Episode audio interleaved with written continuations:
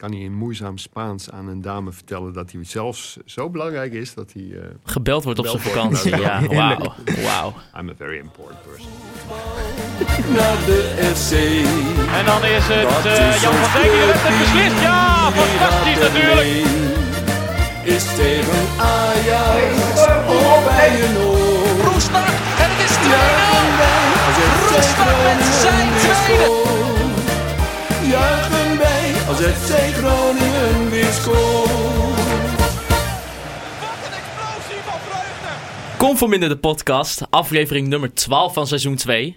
Mijn naam is eh, Maarten Siepel. Ik eh, ben hier natuurlijk in de studio met eh, mijn mede-compagnon Thijs Faber. Goeiedag. En geen Wouter Rosappel. Nee, gelukkig niet. Die is op vakantie. Die heeft straks nog voor ons een, eh, een leuk bericht eh, vanuit... ja, we eh, hebben hem al even geluisterd, hè, het bericht. Ja, ja, dat is niet best. Nou, Het ik had- in ieder geval. Het had beter gekund. Het had beter Ja, nou gekund. te zeggen dat het heel inhoudelijk is. Ja, nee, niet echt, niet echt. Maar ja, we gaan het zo even aan u laten horen. Eh, we zitten hier eh, deze week met eh, journalist Wim Masker. Hoe, Ja. gaat, hoe gaat het, Wim? Prima. Prima? Ja. Hoeveelste keer is dit nou dat Wim hier eh, is? Vierde, vijfde en zoiets? Nou, derde, vierde keer denk ik. Ja, ja. Zoiets wel, hè? Ja, wij hebben natuurlijk eh, de wedstrijd tegen Harkemaanse Boys gehad eh, afgelopen woensdag. Ja. Ehm, nou ja, Thijs en ik vroegen ons af... eh, wat is jouw meest memorabele wedstrijd van FC Groningen tegen een amateurploeg? Die heb ik niet eh, gezien. Dat was een eh, wedstrijd tegen Heer Jansdam.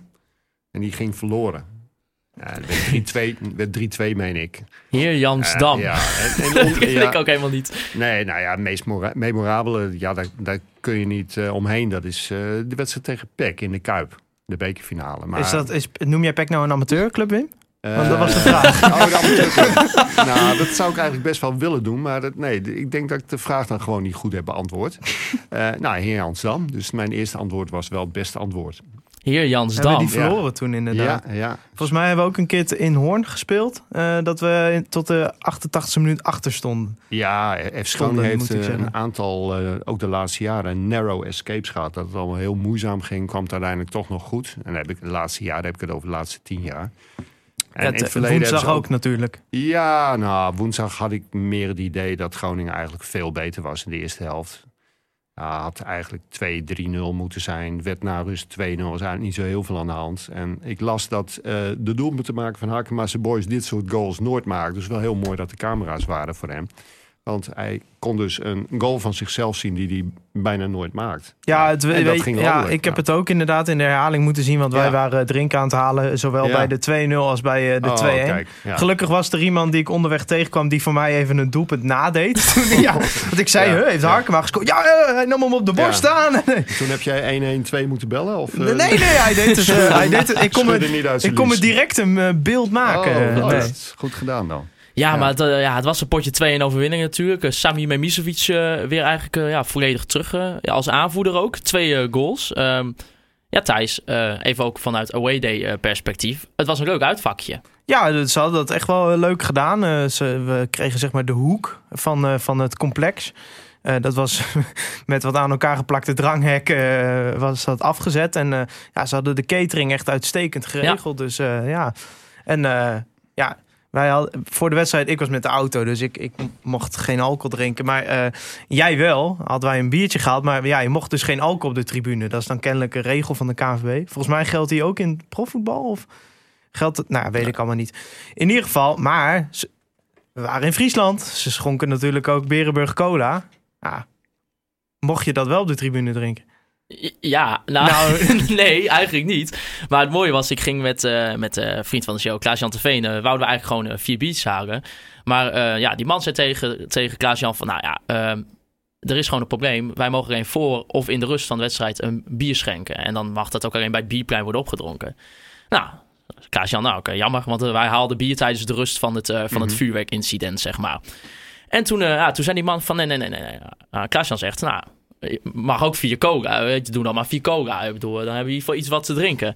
En toen zei die man, ja, maar ik heb wel uh, Sonoma cola voor jullie. Nou ja, dan sta je zo met, in je handen met vier uh, cola Berenburg. Ja, ja. Dus ja. ja, ja toen, toen was ook natuurlijk nog het moment van, ja, uh, ja, er waren allemaal plastic bekertjes waar Sonoma op stond. Nou ja, er mocht natuurlijk geen alcohol langs de zijlijn worden gedronken. Dus maar iedereen... het was geen probleem om dat ook even in een doorzichtig beker Nee, maar... die, de, de, mensen van Harkema's Boys die schonken er mooi over in een doorzichtig plastic bekertje, zodat je het alsnog mee kon nemen. Dus ja, al met al een, een geslaagde avond, denk ik. Ehm, maar ja, dan toch ook al even over de wedstrijd. Eh, ja, de eerste helft eh, heb je natuurlijk wel heel veel kansen. Maar ja, en dan, en dan scoor je gelukkig nog die goal eh, vlak voor rust.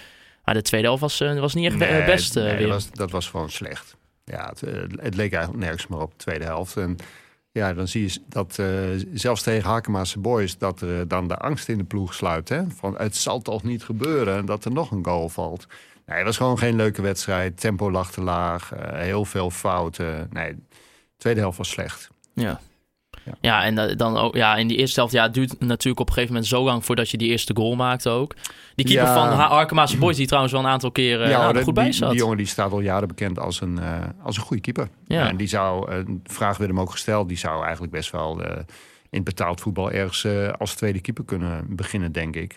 Maar ja, hij is eh, inmiddels een jaar of 28, als ik het goed heb. En eh, nou ja, dan zal die kans waarschijnlijk niet meer voorbij komen. Al is 28 voor een keeper nog niet eens zo heel oud. Die, die, die moet nog wel een jaar of eh, 7 tot 10 mee kunnen. Ja. Maar dat is een goede keeper. En dat liet hij ook zien. Ja. Ja. maar ja, Groningen had toch wel weer heel veel moeite om eh, door Harkema heen te komen. En dat was wel waar ik me wat zorgen mee maakte. Het is dat we met de kennis van zondag er iets anders over denken. ja, Maar Nou ja, Hakema's boys, dat, dat zijn natuurlijk ook geen eh, koekenbakkers. Dat zijn over Nee. het algemeen jongens die eh, eh, jarenlang in de opleiding van of FC Groningen, Heerenveen, Emma, Cambuur hebben gespeeld. Eh, top eh, amateurs. Eh, en ja, die geven zich ook eh, in zo'n wedstrijd. Eh, 4000 man publiek is toch geweldig als Ja. je daarvoor mag spelen. Dat maken ze zelden mee. En eh, nou, ze zijn echt door de bodem gegaan. Dat zie je dan ook meteen de zaterdag daarop. Dan verliezen ze meteen weer met 3-0 van een eh, amateurclub in, in de eigen klasse. Eh, maar ik, ik, eh, ik heb me op zich wel vermaakt, eh, de ontvangst. Het, het was gewoon gezellig. Alleen jammer van die eh, onderbreking. Ja, want dat was er natuurlijk, eh, even uit mijn hoofd was het rond de 33 minuut Ja, of iets klopt. in die richting, eh, dat, dat het vuurwerk op het veld kwam. Ja, en ja, toen kwam er een eh, tijdelijke staking. En toen nou, was nou het natuurlijk voor ons ook... die eh, duurde wel vrij lang. Ja, hij duurde duurde vrij lang, maar het was Ja. toch even de vraag van... Ja, ga, gaat er uiteindelijk door worden gespeeld of niet? Ja. En dan ja, uiteindelijk wel. En ja, er waren nog verder eh, nog meer ongeregeldheden met eh, knokpartijen achter de goals. eh, Ja, wij hebben het allemaal echt heel slecht kunnen zien. Wij Ja. zagen eigenlijk niks van. Ja, behalve we zagen beweging en Ja. we zagen politie Precies, het was ook vrij donker. Hè? De spotlights waren er niet op gericht. Nee. En je, je, je vraagt je ook af, waarom doe je dat? Hè? Dat, dat is eigenlijk wat mij... Waarom doe je zoiets? Ja. Eh, je- die, je hoeft zo'n vuurwerkbom maar verkeerd te gooien... en zijn keeper heeft voor de rest van zijn leven gehoorschade. Of, of nog erger. Eh, ja, maar het is... Ja, Ja, nee, Thijs, Thijs en ik zeiden ook, kijk, eh, Thij- Thijs en ik zijn in principe best wel eh, vrij pro-vuurwerk, durf ik te zeggen, denk ik hier. Ja, maar dit is geen Alleen dit, dit eh, wij zeiden ook Knal. wel, zo'n zo'n knal ja, gaat maar wel dit, te dit ver. helpt de discussie ook niet natuurlijk. Nee, nee, want kijk, supporters die willen heel graag dat ze op een normale manier naar uitwedstrijden kunnen. En, daar hebben ze ook groot gelijk in. Maar ja, dit soort eh, incidenten zorgen er alleen maar voor dat eh, de autoriteiten angstig worden en we allerlei regeltjes gaan eh, formuleren. Dus eigenlijk heb je dat. Je kunt die autoriteiten dat wel kwalijk nemen, maar het zijn toch echt de daders die het doen. En die zorgen dat je weer allerlei vervelende regels krijgt. Dat je misschien straks een uitwedstrijd zonder publiek of een, een thuiswedstrijd zonder publiek krijgt. Of dat de club een forse boete krijgt. Betalen die 10, 12 jongens dat dan ook? Ik denk het niet. Nee. En ja, wat, wat, is, wat is de lol daar nou aan? Er zitten 4000 mensen die komen gewoon voor, voor een biertje, een zonema of een wedstrijd. En die hebben een leuke avond en dan ga jij dat een beetje verpesten. Moet je gewoon niet doen. nee, ja, wij zagen het verder ook niet zo heel erg goed. eh, Nee. Ja, gingen ik had wel, zoveel ik had, ik had rond, wel, joh, ik had, ja. ja. ja, ik zag een filmpje op Twitter met eh, iemand met een Heerenveen-vlag. Dus ja, ja, maar ja, weet waarschijnlijk was dat ja, er wel het is bij. Heerenveen gebied, dus dat Ja. kan. Het was, ja, laten we ook eerlijk zijn, er was natuurlijk wel de uitgewezen mogelijkheid, als je het wil doen, dat je het natuurlijk daar doet. Ehm, in dat opzicht maar de waarom- ideale waarom zou- samenkomstplek. Waarom zou je dat willen doen? Ja. ja, Eh, ja, ja. dat, nou ja, dat- Danny dat- Buis zei, als je zo nodig wil knokken, ga dan op een vechtsportvereniging. ja. Dat vond ik of vond mensen, best wel een men- goede mensen tip. doen het ook wel eens eh, als, Ja. als dat toch gebeurt Ja. in weilanden ergens in het. Nou, eh, misschien hadden ze daar nog niet over nagedacht. En, en krijgen vechtsportverenigingen in Assen en omgeving... want het schijnt dat die jongens daar vandaan kwamen... krijgen die ineens een hoop aanmeldingen van... goh, goede tip van Buis. ja, je- ja, misschien zit nog wel een sponsordeal in Ja. voor Wouter Gudde, je weet het niet. Je weet Ja, het nou ja, niet. ik, eh, ik weet het niet. Ik vind het altijd, eh, om het hier nou heel lang over te hebben. Nee, ach ja, in ieder geval, eh, we zijn door in de beker. Ehm, er werd geloot. FC Utrecht de volgende ronde thuis. Eh, nou ja. die gaat op eh, donderdag worden gespeeld. Donderdagavond. Ja, kon je ook al voorspellen op basis van de afgelopen tien jaar dat het Utrecht zou gaan worden. Ja, alleen Ja. niet dat het Groningen zou worden. Als strijdtoneel. Meestal is Nee, het andersom. ach man. Ja. Ik, ik, We het nog grappige nooit- is, ik wilde jou nog een berichtje sturen. Nou, we gaan zien op welke dag van de week we tegen Utrecht moeten spelen. Nou, Ja. dat was nog waar. Ja, het is, het is wel een interessante wedstrijd. Beetje jammer dat eh, tien dagen daarvoor ongeveer eh, die wedstrijd ook al gespeeld wordt, maar dan voor de competitie.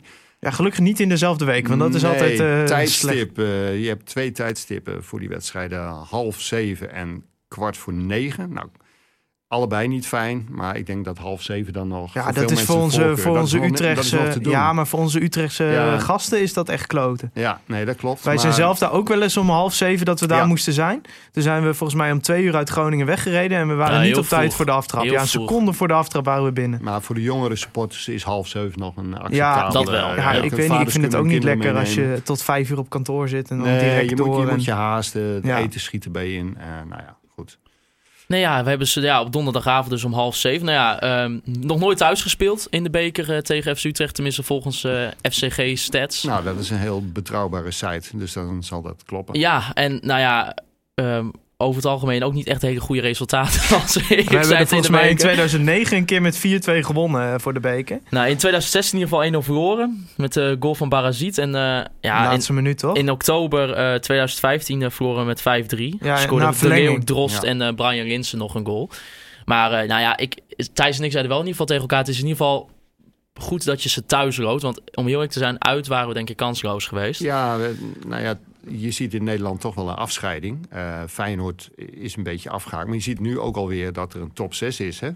Eh, ja, het verschil in budget is te groot eh, tussen die zes en de andere twaalf clubs Ja. in de Eredivisie. En binnen die top 6 zie je dan ook nog weer grote verschillen. Dat is al het vierde jaar dat AZ, Utrecht en Vitesse zich afscheiden van de rest. En dat komt omdat ze ongeveer dubbele te besteden hebben aan spelerssalarissen. Ja, ja nee, maar ja, eh, natuurlijk in, met betrekking tot de beker is eh, de ervaring meestal wel dat, hè. Je dat kunt, is... je kunt ja. ervan winnen. Dat zag je afgelopen weekend nog. Emmen wint gewoon van Vitesse. Het is ook weer niet zo dat als je twee keer zoveel eh aan salaris kunt uitgeven... dat die spelers ook twee keer zo goed zijn. Is vaak, en ze zijn ietsje beter. Nee, maar het nodigt bijvoorbeeld ook clubs als Groningen uit om eh, met minder budget toch innovatiever te zijn door die aansluiting Oh wel ja, te vinden. Nee, maar er zijn ook voorbeelden in, in bijna alle competities dat het met minder budget. eh, dat je wel beter kunt presteren. Eh, Feyenoord laat, laat al jaren zien dat ze ondanks een hoog budget niet per se beter zijn dan AZ. En je kunt ook omdraaien en zeggen, nou AZ met een, een kleiner budget. Herakles presteert natuurlijk. Ja, Ja. Heracles, Heracles wel, wel een beetje een ander verhaal. die Heracles, hebben eh, natuurlijk heel veel van ja. hun begroting te je- besteden aan spelen. Precies, ja. Hè, van, vanwege, ze hebben maar 28 spelers. Geen, jeugd, geen jeugdopleiding, geen Nee. jeugdtrainers hoeven te betalen. Geen eh, onderhoud van het veld. Eh, ga zo maar door. Dus die hebben weinig eh, kosten. We hebben onze vrienden in de Telegram groep, hebben we, heb ik een polletje voorgelegd. Ja. Nou ja, de, de vraag was zoals voorspeld in de podcast. Want we hebben al voorspeld dat we Utrecht zouden loten. Eh, hebben we Utrecht geloot en eh, dat wordt natuurlijk, en dan was de eerste optie de volgende ronde. Of een deceptie. Ja. Eh, Met een kleine meerderheid. Ik denk dat uiteindelijk mijn eigen stem de doorslag heeft gegeven. Eh 52% denkt dat we de volgende ronde gaan halen. ja, nou En ja, wil je nou ook meestemmen met dit soort polletjes? Hè? Eh, linkje staat in de show notes. Het is heel gezellig. Wij zijn de enigen die erin kunnen praten. Dus nou ja, nee, ik, ik denk, ik, als je nu je thuis speelt, heb je natuurlijk gewoon een kans. Ik denk dat het uit oprecht een ander verhaal was geweest. Ik vind het wel jammer dat we Utrecht hebben geloot. Ik had er toch iets liever later gehad. En dat Ah, is het gewoon... is ook wel lekker om vanaf te zijn als je dat, doorgaat. nee, dat wel. Maar ik weet je, ik, zie, ik eh, heb hier de loting voor me van die tweede ronde. Er staan toch gewoon teams. Denk ik, ja, ik had ook wel een keer gewoon uit naar FC Dordrecht gewild. Ja, Odin, Spakenburg, noem het maar op. Eh, Groene Ster was natuurlijk ook mooi geweest. Maar dat zat er helaas allemaal niet in. Nee, we moeten doen met eh, ja, Utrecht. nou ja, en je eh, ziet, eh, nou ja, de topploegen gaan naar alle waarschijnlijkheid allemaal gewoon door. Dus, eh, Ja, nou, ik- ja, ik, ik denk niet Ik dat zie- Telstar heel veel kans maakt nee, tegen en ik Ajax. zie PSV ook in Veenendaal niet van GVVV verliezen. Nee, ja, maar Mark van Bommel zei het, hè? Langs Ik denk dat Feyenoord nog de moeilijkste heeft met Cambuur uit. Ja, Want die, zijn, die zijn een soort Ja. FC Barcelona tegenwoordig Ja. namelijk. Dus, Ja, het zou wel een stunt zijn. Het zou een stunt zijn. met nou. eh, in de, als uitblinker eh, ex-FC Groningen Killian van der Kaap. Ja, die eh, heeft daar ook eh, al wat minuten als basisspeler gemaakt. Dat is wel leuk. Is die, die is op huurbasis daar? Nee, nee, Nee, die, die is, die was amateurspeler bij eh, Groningen onder 23 en heeft geen contract gekregen. Ah, oké. en oké. voor hem is het een mooie stap naar Cambuur. Had ik Ja. wel meer spelers gegund. Onder andere bijvoorbeeld die Gerald Postema die we bij Hakema's Boys zagen. Ik denk dat hij... eh, Misschien wel de beste is- man op het veld bij eh, Ja, die Harkema. had het niveau is divisie eh, heus wel aangekund. Hij heeft geen kans gekregen. Ah, Jammer. Bij Harkema is meestal, dan kunnen ze dat combineren met een baan. dat is het klopt, ook wel. klopt, wel. dat is ook zo. Dat is, financieel is dat eh, waarschijnlijk net zo aantrekkelijk. ja. Dat denk ik wel. Nou ja, dan hadden we natuurlijk eh, zondag de wedstrijd tegen Willem II. En eigenlijk een hele andere wedstrijd dan we in Harkema zagen. Maar wij zaten er een beetje cynisch in, hè? Voor de ja, wij zeiden van, nou, ik denk dat ik na een kwartier weer het stadion uit kan lopen, want het zal wel weer drie keer niks zijn. En dan, ja, Toen kwam de opstelling. nou, en toen werden we, al- toen had, toen, ja, ik weet ook niet hoe dat komt, maar we, we hadden opeens van, We nou, keken elkaar even aan en we zeiden... Oh, maar dit kan op zich best wel wat... we- er staan aanvallers op Ja. het veld. Nou ja, dat, dat, dat had ik zelf ook wel een beetje hoor. Ik was wel nieuwsgierig naar eh Asoro. Ik had Asoro een paar keer zien spelen. Eh, in het tweede elftal stond hij meestal weggedrukt aan de zijkant.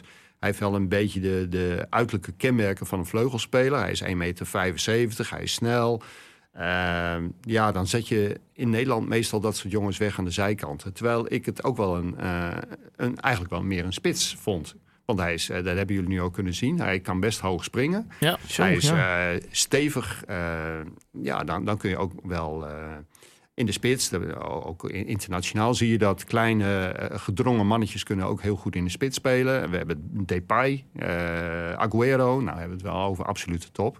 Maar ik vind te vaak dat dat soort jongens aan de zijkant worden. Ik was ook blij dat hij in de spits mocht ja, beginnen met eigenlijk Sierhuis. per ongeluk als we het mogen geloven. Ja, nou, niet helemaal. Eh, ik weet niet of jullie het gezien hebben. Een paar weken geleden speelde FC Groningen 2, moet je het tegenwoordig noemen. Het is geen jong Groningen meer. In Almelo tegen Heracles. nee, Daar die was hebben een, wij eh, helaas even aan ons laten Daar voorbij. was een eh, livestream van op, op YouTube Oh, te zien. nou, nu moeten we de- ons dus Kijk, schamen dat we Kijk, niet gekeken Nee, nee mag, eh, helemaal niet. Want het was haast niet om... te- Ze hadden één camera standpunt. en, Oh, eh, ja. en, en ze hadden niet de mogelijkheid om in te zoomen. Of die hadden ze nog niet ontdekt.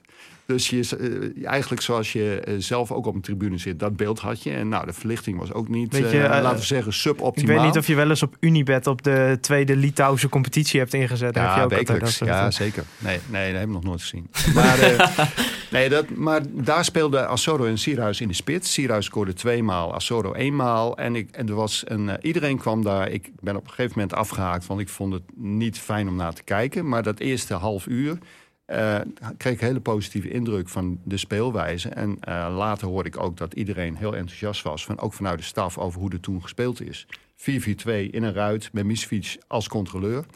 Speelde die trouwens gisteren ook weer eh, in het tweede elftal één helft. Dus ik denk dat dat wel de positie is waar we met Misfiets straks gaan terugzien. En ten koste van? Nou, dat zal dan waarschijnlijk ten koste gaan van Matusiwa.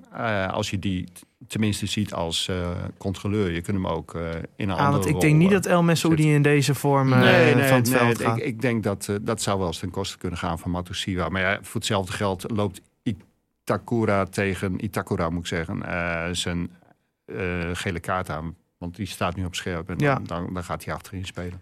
Die had wel even een, een, een, een sankootje op een gegeven moment, hè? Die ja, die had, die had een Sankootje. En ik vind trouwens een eh, mooie speler om naar te kijken. Ja, geweldig. Hij heeft een hele elegante stijl. eh, kan ook goed voetballen. Maar inderdaad, in de aanname maakte hij een fout. Ik moet zeggen dat Pavlidis ook wel heel snel weg was. Zo. Ja. Eh, je zag aan Sergio Pad dat hij dacht... ik ga nu niet denken dat hij door mijn benen schiet. Ik maak het eh, breed. En daardoor eh, maakte hij de hoek eh, goed klein. Had Pad de pech gehad dat Pavlidis door zijn benen was het een goal geweest. Ja. Ja, het was even zo'n, zo'n nou ja, een sankootje noemen we dat dus. Maar het is Ja. eigenlijk uiteindelijk het enige wat Groningen heeft weggegeven. Ja, en, En dat is wel, denk ik, kenmerkend Ja. voor FC Groningen. Dat gewoon, eh, als je tegen Groningen wil scoren, moet het van zoiets Ja, komen. nou, of van een ik- penalty, ik- zoals bij Ik Heerenveen. vind het, eh, vind het toch ook wel knap. We hebben heel, ik ook. Ik heb eh, bijna wekelijks geschreven dat het, eh, nou, het resultaat goed of niet goed, maar het spel te weinig kansen gecreëerd en dan kun je ook weinig scoren. Eh, nou, dat was dit keer eh, geweldig in orde. De eerste vijf minuten had ik al vier kansen gezien. Ja, wij, En, wij eh, wisten ook niet wat we zagen. Iedereen dacht van, oh, ja, dat zul je zien. Dat, eh, en dat was ook bijna Ja, dat is ook heerlijk, dat Groningse cynisme ja, weer. hè? Ja, nou ja, maar dat is ook wel ergens op gebaseerd. Het is niet Ja. op basis van één wedstrijd. Maar we hebben toch wel heel veel eh, wedstrijden gezien dat het allemaal moeizaam ging. Met, met heel veel moeite kon je dan nog drie, vier eh, aardige kansen eh, vinden. En dan nog een paar halve kansen. Nou, dat is weinig. En, en tegen Willem II hebben we tien schoten en kopballen op doel gezien. Nou, Ja, dat 2,2 is, expected goals. eh, ja, dat, En allemaal eh, uit open play, dus eh, niet Ja. met eh standaard situaties. Waar dus nog wel wat winst valt te halen, denk ik ja, ook. absoluut. Ja. Want die corners, nou ja, het is dat El Messoudi zijn hoofd er niet tegenaan kreeg Nou, in ik de moet zeggen, die minuut. corners van Roestic vind ik wel heel goed. Ja. Met heel veel vaart. Als je goed kunt kopen, dan, eh nou, dan weet dan Als weet je El waar Messoudi het kon koppen, dan stonden we Ja, na vijf, nu- dan vijf had minuten met 1 of voor. Dit seizoen al drie keer. eh, Die, die crosspaas Moeten van, eh van Roestic ook. Ja, eh, dat was echt fantastisch. Maar ook, ik vond bijvoorbeeld, als we nog een speler waar, waar je gewoon heel veel kritiek op gehad hebben. Ik vond Django Warmerdam ja, ook goed Ja, spelen. vind ik ook. Ik Ja. ben ook blij dat eh, er nu voor is gekozen om hem linksback te zetten. Ja, iedereen was een beetje huiverig van hoe is dat verdedigend. Maar hij, Klopt. ja, hij lost het aardig op. Ja, hij is, eh, en dat, dat weten nu inmiddels steeds meer mensen. Ik heb het een paar keer geschreven. En eh dat is ook overgenomen. Hij is gewoon de, de snelste speler van Ja. FC Groningen, samen met Zeefuik. En eh, je zag het vorige week tegen Mitchell van Bergen, wat een van de snelste vleugelspelers is in de Eredivisie. Die hebben we bijna niet gezien. Nee, Jay Nunnally Is ook razendsnel. razendsnel. Eigenlijk ook niet gezien, werd ook gewisseld. En je zag het ook eh, bij de goal. Eh, hij neemt de bal eh, goed aan en versnelt. En daar had de rechtsback geen antwoord op. En dat zag je in de tweede helft ook nog een keer bij een situatie. Staat hij 1 tegen 1. Hij gooit de ballen langs en alsof de tegenstander stilstond. Hij is echt heel snel. ja, maar Django heeft ook zijn fysiek wel mee natuurlijk. Ja, hè? Hij, hij- in potentie hij is, is in dat potentie gewoon... gewoon, eh, een, een hele goede back. En ik had er ook hele hoge verwachtingen ja, van. Wij ook, maar het eh, viel, het viel me op een gegeven ja. moment wel echt tegen hoor. Ja, hij verloor bijna alle. Dat is nog niet zijn sterkste punt. Duels. Dan laat hij zich Ja, toch. terwijl te hij wel sterk is. Ja, Ja. hij heeft een, heel atletisch lichaam. Ehm, ja, aan het begin van het seizoen was er sprake van dat hij weg mocht. Dat had niet zozeer met zijn kwaliteit te maken als wel met dat hij eh, zijn contract niet wilde verlengen. Nou ja, wil je er dan toch nog iets aan overhouden? Dus waarschijnlijk iets van 2, 3 ton in hem geïnvesteerd. Dan zou je hem moeten verkopen. Maar misschien dat hij eh, alsnog open staat voor contractverlenging. Nou ja, daar zullen ze in december, januari misschien eh, eh, over gaan praten. Ja, nou ja, hij Ja. heeft nu twee goede wedstrijden Ja, gespeeld. Ja. je moet het, moet het ook niet te snel, eh, niet te opportunistisch zijn. Kijk, Sierhuis is een goed voorbeeld. Was iedereen razend enthousiast over na zijn debuut vorig jaar tegen Heracles. Nou, dat hield nog een tijdje aan. Maar later sloeg dat toch om in negativisme. Ja. En zoiets van, ah, nee, die Sierhuis is gewoon niet goed genoeg. Ja, En, hij was eh, ook niet goed genoeg. en als nu is hij, zijn. eh, en nu heeft hij eh, een, een goede reeks in het tweede, bij Jong Oranje, bij het eerste elftal. En nu ziet iedereen toch wat zijn kwaliteiten zijn. Dat is niet die van counterspits. Dat is gewoon van een spits in de 16 meter. En daar is hij gewoon. eh, Ja, wat, wat ik heel bijzonder vind, eigenlijk was Assoro voor Sierhuis dit weekend wat eh, mensen in Sierhuis voor Benschop zouden zien. Ja, Misschien wel, ja. ja, Ja. maar Asoro heeft iets wat Sierhuis niet heeft. Dat Snel, is snelheid. Eh, niet dat Sierhuis traag is, maar ja, het is als iemand die de hond uitlaat. Die hebben ook meestal dezelfde snelheid. Hij haalt hem niet in. Nee, En de ja, dus het is, eh, ja, het is ik- geen extra maar ik denk dat waar Groningen Willem II gewoon heeft weten te verrassen, is gewoon met de onvoorspelbaarheid in de aanval. Want Ja. de ene keer klopt. kwam Sierhuis over de flank. Eh, zijn naam is nog niet eens genoemd, maar ik vond Mo El Ja, ook die een viel goede wedstrijd. Je merkt het aan het, eh, de reactie van het publiek hè, toen hij werd gewisseld. Hij kreeg, eh zal misschien ook een beetje met de stand te maken hebben gehad, maar hij kreeg applaus, genoot er ook van. Ik zag dat hij even zo het publiek bedankte.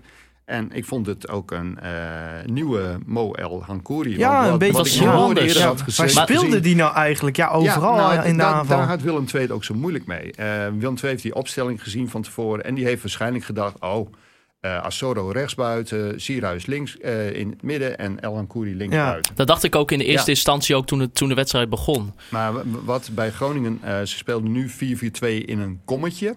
Dat wil zeggen twee controleurs naast elkaar... en eh Roestic aan de rechterkant, eh El Hankouri aan de linkerkant...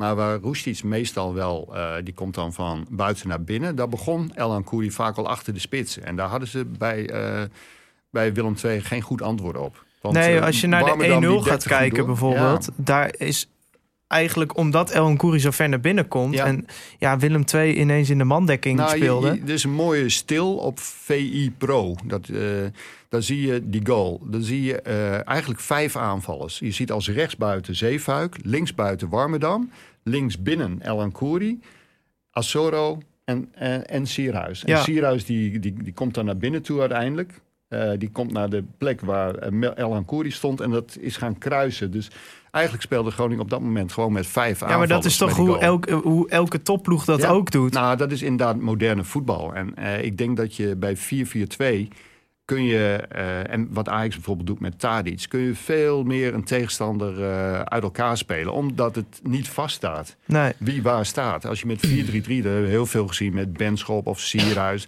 dan staat er één spits en die staat eigenlijk al, die staat er ook meestal, die, die beweegt Ja. niet. Voor een tegenstander heel makkelijk, er is maar één spits. De een die, Dan kun je eh, gewoon mandekking kunt altijd. spelen. En Ja. nu stonden Peters en, en, en die Zweed Holman, die, Ja. ja. die hadden steeds twee mensen. Dus eh, rugdekking geven werd ook lastig. Ja, en wat je ook zag is dat eigenlijk door El Nkouri kon heel vaak een centrale verdediger Ja. uit het centrum wegtrekken. Waardoor ja, Ja, Willem II gewoon uit elkaar werd Ja, gescheurd. klopt. Dat is voor elke verdedigingslinie. Je werd steeds voor keuzes gesteld als verdediger. Moet nou Alan Koeri oppakken?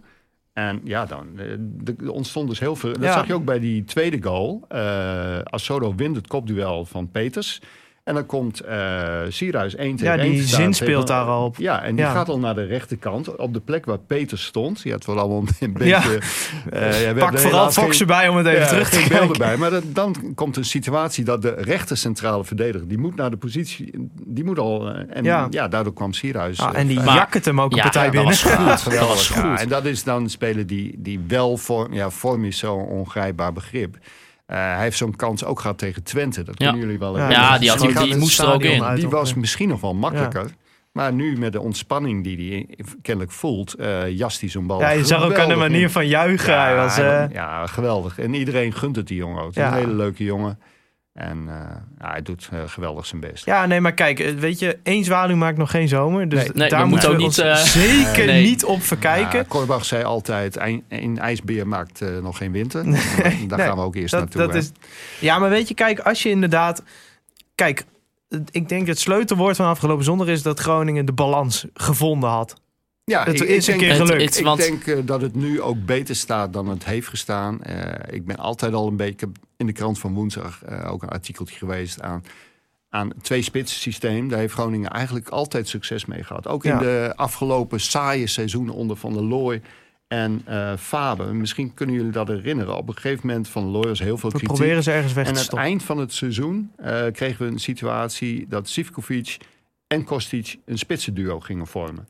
Dus Kostic was niet meer de linksbuiten, Van der Velde was niet meer de rechtsbuiten. Van der Velde werd middenvelder, samen met Sherry als vormgever. En je kreeg twee snelle spitsen. Nou, Groningen ging de ene goal naar de andere scoren. Eh, drie, vier jaar geleden eh, presenteerde eh, RTV Noord een lijstje van geslaagde aankopen. minder geslaagd in miskopen. Bij de miskopen stond Linsen, want die speelde in, in een soort van verdedigende linksbuiten. En ineens werd hij eh, partner van Mahi in Ja. de spits. En dan ging het Mahi goed. eindigde dat Ja. seizoen op 17 goals. Linsen voor de winterstop als linksbuiten één goal gemaakt. Die kwam uit op een totaal van 11. Ja, Maar is er dan in dit, in dit duo dan met... eh, want dat was ook een vraag die we kregen van Okker Verhoog. Ja, is dit dan een beetje... Ja, gaat Asoro een basisdebuut zo krijgen? Eh, Nou of ja, zijn, ik- of een basisplaats bedoel ik, eh, gewoon standaard? Nou ja, natuurlijk, moet hij, ook hij zich eh, eh, weer bewijzen in, in Arnhem. Eh, maar ik, zou, ik zie geen enkele reden waarom je nu hem zou moeten vervangen door Benschop ook al. En dat vond ik best wel opmerkelijk. Hij eh, heeft die 90 minuten ogenschijnlijk eh, moeiteloos volgemaakt. Je zou verwachten, een jongen heeft heel lang niet gespeeld. Nou, na een uurtje krijgt hij kramp misschien Nee. wel. Hè? Maar Nee, hij oogt fit inderdaad. Hij oogt Ja. heel Ja, het is eigenlijk jammer voor me. Ik had hem echt een dan doelpunt. Sierhuis. ja. Hè? Want Sierhuis werd naar de kant gehaald. Niet vanwege een blessure. Maar gewoon omdat hij niet meer kon doen wat hem werd opgedragen. Hij, heeft, eh, hij heeft toch niet zo heel veel inhoud. Maar Sierhuis. kwam daar Memisevic kwam voor Sierhuis? toch? Of kwam Benschop voor Sierhuis? Eh, Dat weet Zo, ik zo dat- niet meer uit mijn hoofd. Want Maar- ik, ik weet op een gegeven moment werd er een beetje verdedigend gewisseld ook. Nou ja, je had op de bank ook maar één alternatief. Goedmondson was er niet, Lundqvist was er niet. Nee. Eh, je had nog Schrek kunnen brengen. Heeft hij ook gedaan. Heeft hij ook uiteindelijk. gedaan. Maar eh, ik denk dat uh, Memisfiets vooral kwam in reactie op het inbrengen van Gladon. Ja, En dat vond ik ook niet onverstandig. nee, nee, absoluut. Ja, maar gewoon, ja, weet je, het was voor de wedstrijd jammer. Nee, maar ja, eh, even maar- Charlison kwam voor Kai erin. Ah, en eh, het was Memisevic die erin kwam voor eh Ancoury? Aydin eh Oh. Ja. ik Maar ik vond ook over, bij die, die tweede helft, dan eh, is, nou, was het niet zo eh, sprankelijk aanvangend als eh, het was die eerste helft. Maar ook in, dat, in, in die tweede helft wel, je wint elke duel. Ja, werd bijna en, en dat deden ze ook heel goed. Ze probeerden steeds eh, een meerderheid eh, rond de bal te creëren. Eh, dat als een speler werd uitgespeeld, zat er meteen een ander bovenop. Ik vond El Messaoudi Ja, ook opvallend weer echt, eh, eh, qua goed, eh, loopvermogen. ja. Die heeft wel vaak de neiging om in één tempo eh, te lopen. Maar eh, je zag hem nu ook felle sprints Maar je zag. Roestic, die was bijvoorbeeld ook heel erg... eh, op het moment dat hij de bal verloor... ook direct proberen Ja, die bal hij had terug te ook, eh, krijgen. Een heel goed moment dat hij zijn verdedigers in het eigen strafschopgebied eh, te hulp schoot. Eh, nou, dat heb ik, had ik nog niet eerder van hem gezien. Nee. En uh, Roestic eh, heb ik een beetje een, een haat-liefde verhouding Ja. mee als, Ja, als ik voetballer. ik denk bijna ik, iedereen ben wel. eigenlijk een groot fan, maar ja, ik kan moeilijk... eh, eh, ik moet wel objectief zijn. En te vaak moet ik tot mijn grote teleurstelling vaststellen... dat hij er niet uithaalt wat erin zit. En dat hij wel allerlei dingen laat zien die we niet willen zien. Nee. De welbekende damestassen, zoals je het al eens een keer ja, eerder ja, zei. hè? precies. Ja, ja. Daar, daar zitten ook dingen in. Ik heb het wel eens een keer bij mijn moeder gezien. Dacht, waarom neem je dat nou in godsnaam mee? Dat heb je helemaal niet nodig. Nee, maar ach ja, we kunnen wel gewoon eh terugblikken op een hele goede wedstrijd. Misschien wel de beste wedstrijd van het seizoen. Of is dat nou, te in ieder geval de aantrekkelijkste. Het is Ja. altijd, je hebt ook een tegenstander nodig. Ik had voordat die wedstrijd begon, keek naar Emmen Vitesse. Nou, hartstikke leuk om te zien. Maar wat Vitesse eh, op dat kunstgras van Emmen, dat, dat Ja. was Ja. ook helemaal niks. Ja, maar iedereen had het erover hoe Ja. leuk Emmen wel niet speelde. Ja, maar eh, die gaven ja, ook een ruimte weg, hoor. Da- die gaven nog meer ruimte Ja. weg dan Willem II. En eh, nou ja, als ze ook zo tegen FC Groningen spelen, dan sluit ik niet uit dat Groningen daar ook gewoon in Arnhem gaat winnen. Maar na twee nederlagen zullen ze daar toch wel een beetje getergd zijn. Ja, ik, eh, ik aannemen. las vandaag dat de druk op Sloetski staat. Nou, dan schiet mijn cynische modus weer aan. Want dan denk ik, hé, hey, tegen wie Nou spelen ja, ze dit weekend? er staat druk op. Het viel mij ook op dat Linsen daar weer eh, in dezelfde rol moest eh, spelen als bij Groningen. Dus eh, achter zijn rechtsback aanlopen. Ja, Terwijl hij eh, de laatste tijd vaak als een van de twee spitsen werd gebruikt. Eh Matafs Linsen, maar ze hebben er een speler bijgehaald, ene Dikko. Ja. ja. Die doet het ook heel aardig. Ja. Die speelt dus met Matafs. Wat betekent dat Linsen weer in een andere rol ja en dat past hem eigenlijk niet. Nee, Nou, hadden we nog even, ook even over wat randzaken eh Wilde buiten de wedstrijd om. eh, Hols nog laten spreken? Oh ja, ja, oh ja nou, we hebben Hols helemaal niet de kans gegeven. Maar ja, Sorry, heb, je, heb je hem klaarstaan? Ja, ja, ja. Nou, laat even wat Hols te vertellen heeft. Wij staan hier ook niet achter hoor, maar dit moest er van hem in. Nou, ik loop hier door de straten van Las Palmas de Gran Canaria. En zojuist heb ik op een eh, terrasje op mijn mobiel gekeken naar FC Groningen tegen Willem II. En dat heb ik gedaan op een terrasje waar we voor 16 euro met z'n tweeën zes koffie, twee sapjes en twee keer lunch hebben ge- genuttigd. Dus dat eh, kostte helemaal niks. Ondertussen dus eh, lekker op de 4G eh, FC Groningen gestreamd. En eh, laat ik er vooral niet al te veel over zeggen, want eh, daar zitten jullie helemaal niet op te wachten. Maar wat ik wel kan zeggen, dat ik blij voor jullie ben dat jullie weer eens een keer naar een leuk potje voetbal hebben zitten kijken in je eigen stadion. Dit was denk ik wel weer een eh, reclame om lekker in het stadion naar een potje voetbal te gaan kijken met een geweldige Kai natuurlijk. Veel plezier nog met het maken van de podcast en we zien elkaar volgende week weer. Laters! Ja, geen eh, tactische analyse van Wouter Holsappel. Nee, wel heel goedkoop geluncht. En hij heeft zijn hele 4G-databundel er doorheen eh Was gejast. dit beter dan mijn Nou, spraakbericht nee. vanuit Canada? Nee, nee. Ik, jij gaf nog wel een beetje een, een beeld van wat er in de wedstrijd was ja, gebeurd. en dat zonder eh, heel veel naar de wedstrijd te kijken, moet je nagaan. Ja, nee, eh wanprestatie van Wouter Holsappel. Maar toch wel leuk dat hij nog wat eh, heeft eh, Ja, ingestuurd. leuk. En daar houdt het mee op. We kregen een vraag van Peter van Dijken. Die vroeg, wat vonden jullie van de spandoek dat op Noord hing? En dan verwijst hij naar het doek van Wouter Gudde maakt van onze FCG geen FC Knudden. Eh, Nee, moeten maak van ons. Hè? Zo Oh, ja. van eh, Wouter Gudde, maak van ons FCG. Dus niet maakt. het gebiedende Nee. wijs. Het is, een, het is Ja. zeg Oh ja, maar niet precies, van... eh nee. hey, kijk, die Gudde maakt Nee. van ons FCG Ehm, geen... Ja, ter verduidelijking, dat doek kwam niet van Noordtribune of wat dan ook. Want het doek was volgens mij al na eh, korte tijd eh, weggehaald. Ja, nou ja, misschien ook... Ja, ik weet niet. Ik, ik heb geen idee. Ik heb het verhaal erachter niet gehoord. Je leest een hoop. Volgens mij is het doek op een gegeven moment weggehaald. Ja, dus eh, nou ja, ik, eh, Ik vind het kansloos, maar dat is mijn mening. Ja, Eh, weet je, iedereen heeft recht op zijn eigen Ja. mening. Ja, dat en, is zo, eh, dat en is als, zo. En als er mensen zijn die het gevoel hebben dat de, de nieuwe stroming, dat dat tegendraads werkt, dan he- hebben ze er absoluut het recht toe. Maar Ja. ja, Ja, het deed mij een beetje denken. Ik heb het zelf niet gezien, ik heb er wel over gelezen. Een beetje aan eh, poëzie op de middelbare school. En, dan moet je tekst verklaren. Eh, ik, ik vond dit ook. Wat, wat bedoelen ze hier nou eigenlijk mee? Eh, vinden ze dat eh Gudde FC Groningen in een interview te klein maakt? Zo van we zijn maar een middenmotor. Bedoelen ze dat ermee? Of bedoelen ze ermee dat hij moet uitkijken dat FC Groningen niet een FC Knudde wordt? Eh, het is een beetje, mij een beetje onduidelijk. Ja, ik weet Ja. niet. Is, Is, precies is, bedoeld wordt. ja, het is Het toch spreekt wel- de onvrede uit, Ja. een waarschuwing. eh, nou, knudden, dat, eh, ja, dan denk ik aan zo'n strip die best wel grappig was. Maar ik denk dat zij bedoelen van, eh, nou straks eh, blijft er helemaal niks meer van FC Groningen over. Nee. Ja, maar ik, ja, ik vind het dan... Ja, weet je, het rijmt mooi met Gudde. Maar voor de rest, ja, die beste man zit er nog maar net. Dus Ja. om het nou Ja. op hem... Weet je, hij heeft dit... Geen idee. Hij heeft, Nee. ja, hij heeft de, dit de ge- makers georven. maar eens verduidelijken. Ja, ik ben wel benieuwd. eh, ja, ja, ja, weet je, eh, iedereen heeft recht op zijn eigen mening. Ja, dus absoluut. ik ben En ook. Zo, er er is weet op je- zich ook niks mis mee. Dat mag je best vinden. Ja. Maar, maar alleen is het wel handig als de boodschap dan eh, duidelijk is. Ja, ja, maar ik, ik denk dat. eh, nou, ja, oh, nou ja, Maarten, pa- pak het maar over. Jij bepaalt hier de structuur. Ja, nee, ja, een andere randzaak wat ik nog wel ook wel even wou benoemen was het eh, nieuwe boekje van Het Woord van Noord. Eh, het boekje van de, van de Noordtribune waarin ze eigenlijk, eigenlijk ja, vertellen waar ze mee bezig zijn. Ze stond er in dit boekje stond er onder andere een heel leuk stukje over eh, ja, eigenlijk een beetje de harde kern van, eh, van Willem II. Ehm, ze hadden een Ja, ik actie. vind dat echt leuk om te lezen. Man. Ze hadden, echt, ze hadden hun actie ook even eh, ja, eigenlijk verteld over de actie van Heerenveen. Waarom eh, vond ik gewoon een heel vrij sterk verhaal. En ik vind het nog steeds een fantastisch initiatief dat dat boekje er is. En ik zag dat ze nog een drukker zochten. Dus luister jij en ben je een drukker. eh, Precies, help de, jongens help, even mee. help de jongens even. Maar dat was wel leuk om te lezen. Een stukje Ja. ook over de, over de Martini eh Ragazzi. Dus ja, Ja, ik moet sowieso die Noordtribune een compliment maken. Want ik vind dat ze sinds vorig jaar voor een geweldige sfeer zorgen. Ook als het eigenlijk helemaal niet zo goed wordt gespeeld. Eh, ze voelen wel aan wanneer de ploeg ondersteuning nodig heeft. Ja. Eh, de standaard Groningse reactie is toch wel vaak van het gaat niet goed. eh, het is niks, het wordt niks. eh, fluiten, spelers uitfluiten, vooral individuele spelers, dat, dat vind ik zo slecht. Dat moet je nooit doen.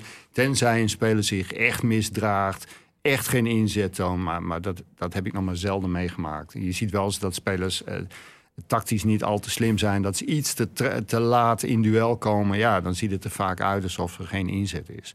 Maar eh, nee, alle complimenten voor de Noordtribune was eh, zondag en was ook wel de wedstrijd gaf er ook aanleiding toe. Ja. Was een geweldige sfeer. Nee, de sfeer was fantastisch. Ja, een mooie wisselwerking. Kijk, we ook. kunnen eindeloos doorgaan over die. eh, er waren zondag 9000 lege plekken.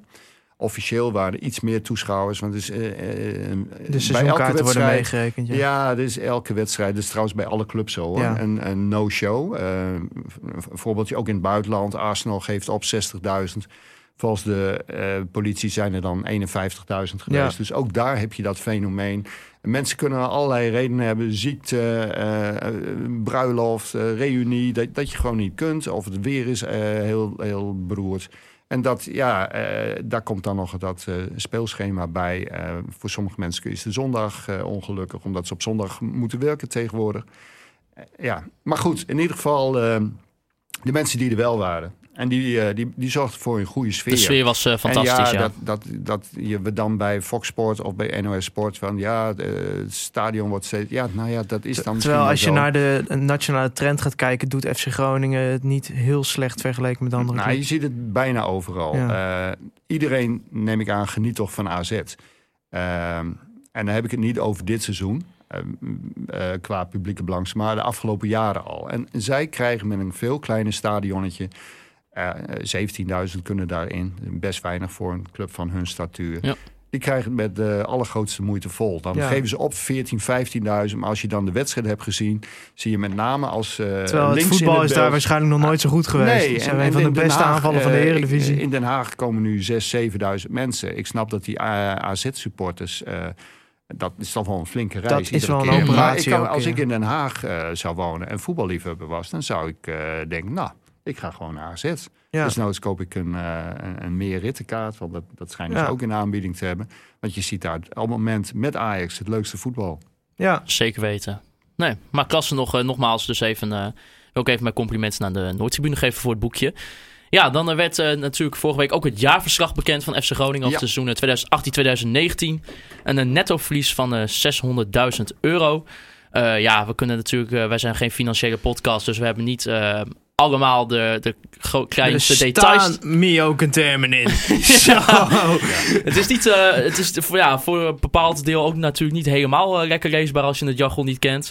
Um, maar ja, en het, eigenlijk kwam het interview met Wouter Gudde bij FC Groningen TV uh, met Emiel Venema. En um, kwam daar eigenlijk met een heel realistisch beeld uh, voor de supporters. Ja, wellicht een overvloed, want volgens mij is er al heel veel positieve ja. woorden over gezegd. Maar ja. wat een verademing ja, dat interview. Ja, het was, ja, wat vond jij ervan, Wim? Nou, ik ook. Ik uh, vind ook heel, ik heb deze week ook in de krant aandacht aan besteed. Het, het, is heel belangrijk dat je een eerlijke schets geeft van de, de mogelijkheden en onmogelijkheden van FC Groningen. Tuurlijk kun je met een lagere begroting ook hoger eindigen. Maar realistisch gezien zit voor FC Groningen er gewoon niet meer in dan de zevende plaats. Uh, en als het tegen zit kun je elfde, twaalfde worden. Uh, raakt pad geblesseerd of, of uh, mensen die heel belangrijk zijn voor je team... ja, dan, dan kun je elfde, twaalfde worden. Het zit zo dicht bij elkaar... Nou, dat moest maar eens een keer gezegd worden. Ik begreep ook wel dat Hans Nijland er moeite mee had. een jaar of tien geleden zat uh, de business tribune bij FC Groningen vol. Gingen we de top aanvallen? Ja, ja. Gingen, niet alleen Groningen probeerde dat, Twente, Heerenveen. En dat is al die clubs niet gelukt. Nee. En uh, ja, als je dan moet vaststellen dat je tien jaar later ruim 2,5 miljoen euro aan uh, sponsorinkomsten hebt, en reclameinkomsten minder hebt. Uh, dat er 6000 seizoenkaarten uh, minder worden verkocht. Ja, dat is natuurlijk niet fijn, omdat, uh, want jij bent daar, je voelt je daar in ieder geval verantwoordelijk voor. Kom je als nieuwe man binnen, is dat ook makkelijker om, ja. te, om vast te stellen. Dus ik, we moeten ook niet Nederland nu van alles voor de voeten. Ik denk dat Groningen onder Nederland toch een heel stabiel beleid heeft gevoerd.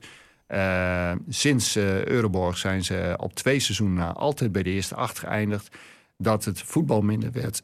ja, dat kun je een directeur eigenlijk ook niet kwalijk nemen. Je kunt hooguit zeggen, ja, hadden ze dan maar wat andere trainers moeten aanstellen of betere spelers moeten kopen. Maar dat heeft ook allemaal te maken met, met de inkomstenstromen. En die zijn toch wel uh, behoorlijk verminderd. Ja, ja nou, ik vond het gewoon. Uh, het was gewoon vooral een heel duidelijk verhaal Ja, wat hij vertelde. ja. Hè? Daar, jij noemt dan ook. eh, ja, eh, mensen denken van we krijgen 15 miljoen euro aan transferinkomsten binnen. Denk aan een transfer van Reis naar Barcelona, Chabot, eh, natuurlijk Doan. Ja, ik heb dat Ehm, trouwens ook in, hier in een vorige podcast al gezegd. Mensen moeten niet denken dat dat netto bedragen Ja, en zijn. dat het Nee. de volgende dag Ja. op je rekening staat. Nee, ook dat nog. dat je een tikkie naar Barcelona stuurt en Maar- dat ze hem aftikken. Ja, maar. maar, het gaat natuurlijk ook om wat je eh, uiteindelijk eraan overhoudt. En je zou eh, die inkomsten, die komen er toch wel. Dan zou je ze alvast eh, hè, in je uitgavenpatroon kunnen opnemen. Dat is dan al redelijk verantwoord. Maar eh, ja, je moet wel je rekeningen kunnen betalen. Ja, en Ja. er is natuurlijk, als we het over transfers hebben... eh, het- vorig jaar stond het wel in het jaarverslag. Ik heb het nu gecontroleerd, maar het stond er niet in... dat er ook